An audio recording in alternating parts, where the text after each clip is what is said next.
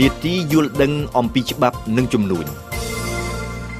នៅក្នុងនេតិយល់ដឹងពីច្បាប់សប្តាហ៍នេះយើងនិយាយពីការគ្រប់គ្រងចាត់ចែងនិងការបែងចែកទ្រព្យសម្បត្តិប្តីប្រពន្ធសួស្តីឌីណាសួស្តីគុណធារាតាមច្បាប់ខ្មែរចំពោះប្តីប្រពន្ធដែលមានចំណងអាពាហ៍ពិពាហ៍ស្របច្បាប់តើទ្រព្យសម្បត្តិណាខ្លះត្រូវចាត់ទុកជាទ្រព្យរួម ហើយទ្រព្យសម្បត្តិណាខ្លះជាទ្រព្យដាច់ដោយឡែក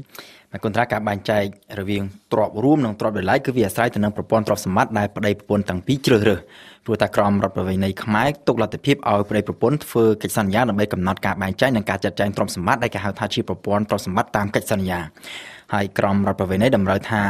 កិច្ចសន្យាទ្រព្យសម្បត្តិប្តីប្រពន្ធហ្នឹងគឺចាំបាច់ត្រូវតែធ្វើឡើងជាលិលាអសរហើយដើម្បីអាចយកទៅតតាំងជាមួយនឹងភាគីទី3បានតតេយ្យ តតេយ្យជនបានកិច្ចសន្យាហ្នឹងគឺត្រូវតែចុះបញ្ជីត្រឹមត្រូវគឺចុះបញ្ជីនៅក្រសួងយុតិធម៌បើសិនជាប្តីប្រពន្ធមិនបានធ្វើកិច្ចសន្យាទ្រព្យសម្បត្តិទេការបែងចែកគ្រប់គ្រងនិងចាត់ចែងទ្រព្យគឺត្រូវធ្វើទៅតាមច្បាប់ដែលបានកំណត់ដែលគេហៅថាជាប្រព័ន្ធទ្រព្យសម្បត្តិដែលកំណត់ទៅដោយច្បាប់ហើយច្បាប់នៅក្នុងក្រមរដ្ឋប្រវេណីក្នុងមាត្រា972កំណត់ថា ត្រូវចាត់ទុកថាជាទ្រព្យដោយឡែករបស់សហព័ន្ធតែម្ខាងមានន័យថារបស់ប្តីឬក៏របស់ប្រពន្ធគឺទ្រព្យសម្បត្តិដែលសហព័ន្ធមាននៅមុនពេលរៀបអាពាហ៍ពិពាហ៍មានន័យថានៅមុនពេលរៀបការភាគីខាងណាមានទ្រព្យអ្វីក្រោយពេលរៀបការទ្រព្យនោះគឺនៅត្រូវស្ថិតនៅជាកម្មសិទ្ធិដោយឡែករបស់ភាគីនោះដដែលមិនត្រូវរាប់ថាជាទ្រព្យរួមទេ មួយទៀតទ្រព្យសម្បត្តិដែលសហព័ន្ធណាមួយទទួលបាននៅក្នុងចំណងអាពាហ៍ពិពាហ៍ក៏ប៉ុន្តែទទួលជាគេមរតកឬក៏ជាអំណោយឧបមាថាក្រោយរៀបការហើយឪពុកម្ដាយរបស់ភិក្ខុខាងប្តីគាត់ស្លាប់ទៅហើយបន្សល់ទុកទ្រព្យនឹងជាគេទៅឲ្យកូនទ្រព្យនឹងត្រូវជាទ្រព្យផ្ទាល់របស់ប្តី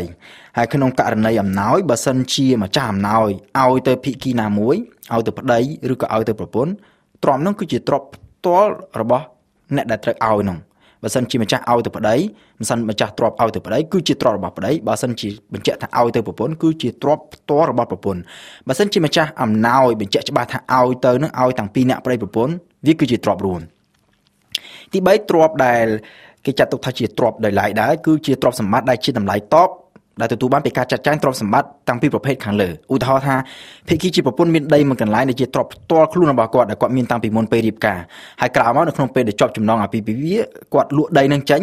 រួចហើយយកលុយដែលគាត់លក់ដីបានហ្នឹងយកទៅទិញផ្ទះមួយល្វែងហើយផ្ទះហ្នឹងវាត្រូវនៅជាទ្រព្យសម្បត្តិផ្ទាល់របស់គាត់ដដែលបើទោះបីជាគាត់ទិញហ្នឹងទិញនៅក្នុងពេលមានចំណងអាពាហ៍ពិពាហ៍ក៏ដោយទាំងនេះគឺជាទ្រព្យដដែលចំពោះទ្រព្យរួមវិញក្រមក្រមរដ្ឋប្រវេណខ្មែរកំណត់ថា ទ្រព្យសម្បត្តិរួមគឺជាទ្រព្យសម្បត្តិទាំងឡាយដែលប្តីប្រពន្ធទាំងសងខាងឬតែម្ខាងទទួលបាននៅក្នុងអំណងពេលអាពាហ៍ពិពាហ៍និយាយរួមគឺលើកលែងតែទ្រព្យសម្បត្តិទាំង3ប្រភេទខាងលើដែលរាប់ចាត់ទុកថាជាទ្រព្យដែលឡាយគឺទ្រព្យទាំងអស់ដែលទទួលបានក្នុងពេលរៀបអាពាហ៍ពិពាហ៍ដូចជាប្រាក់ខែប្រាក់ចំណូលពីការប្រកបអាជីវកម្មផ្ទះដីឡានដែលទិញក្នុងពេលមានចំណងអាពាហ៍ពិពាហ៍គឺត្រូវចាត់ទុកថាជាទ្រព្យរួមទាំងអស់បើទោះបីជាទ្រព្យនោះរកបានដោយសហព័ន្ធណាមួយក៏ដោយ យើងសង្កេតឃើញថានៅក្នុងសង្គមខ្មែរមានករណីច្រើនដែលមានតែប្តីជាអ្នកធ្វើការរកស៊ីចំណែកប្រពន្ធគឺជាមេផ្ទះក្នុងករណីនឹងអាឌីណាតើប្រពន្ធដែលជាមេផ្ទះមានសិទ្ធិទៅលើប្រាក់ខែឬប្រាក់ចំណូលដែលបានពីការងាររបស់ប្តីដែរឬទេក្នុងករណីហ្នឹងប្រាក់ខែឬប្រាក់ចំណូលដែលបានពីការងាររបស់ប្តីគឺជាទ្រព្យដែលទទួលបាននៅក្នុងចំណងអាពាហ៍ពិពាហ៍ហើយតាមច្បាប់គឺត្រូវចាត់ទុកថាជាទ្រព្យសម្បត្តិរួមដូច្នេះ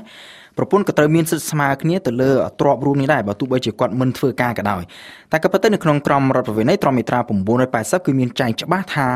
គេហកិច្ចមានន័យថាកិច្ចការនៅក្នុងផ្ទះហ្នឹងត្រូវចាត់ទុកថាជាមានតម្លៃស្មើនឹងការងារដែលធ្វើនៅក្រៅផ្ទះដែរមានន័យថាបើទោះបីជាស្ត្រីជាមេផ្ទះ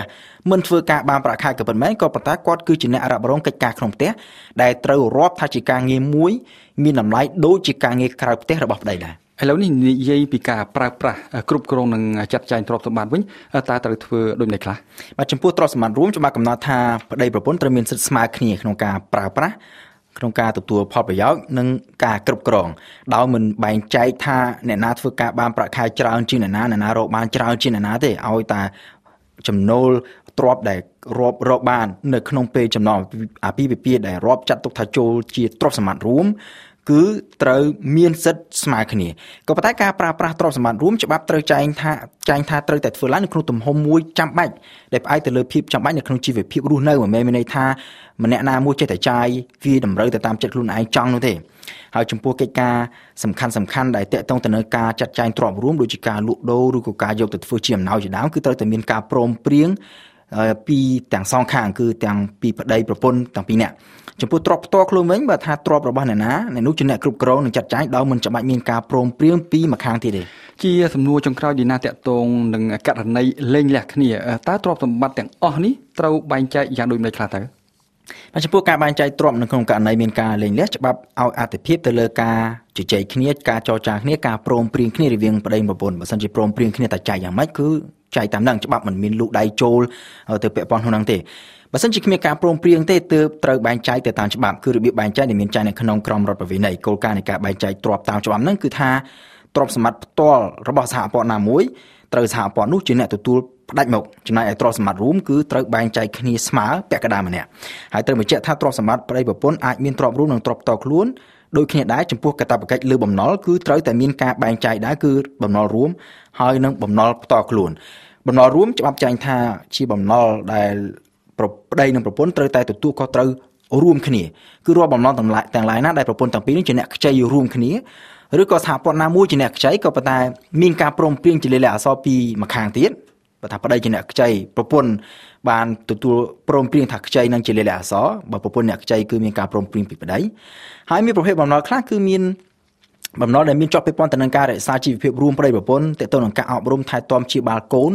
ឬក៏បំណុលដែលជាប់ពាក់ព័ន្ធទៅនឹងការគ្រប់គ្រងនិងការថែរក្សាទ្រព្យសម្បត្តិរួមគឺត្រូវបានច្បាប់ចាត់ទុកថាជាបំណុលរួមដោយស្វ័យប្រវត្តិដែលប្តីប្រពន្ធចាំបាច់ត្រូវតែទទួលខុសត្រូវរួមគ្នាបើទោះបីជាសហព័ន្ធណាមួយជាអ្នកខ្ចីក៏ដោយហើយគ្មានការព្រមព្រៀងជាលេខអក្សរពីសហព័ន្ធម្ខាងទៀតក៏ដោយ អរគុណឌីណាចំពោះការពន្យល់បកស្រាយយ៉ាងក្បោះក្បាយតាក់ទងនឹងការគ្រប់គ្រងចាត់ចែងនិងការបែងចែកទ្រព្យសម្បត្តិរវាងប្តីនិងប្រពន្ធនីតិស្វែងយល់អំពីច្បាប់និងវិលត្រឡប់មកជួបលោកអ្នកនឹងជាថ្មីនៅថ្ងៃប្រហ័សសប្តាហ៍ក្រោយ។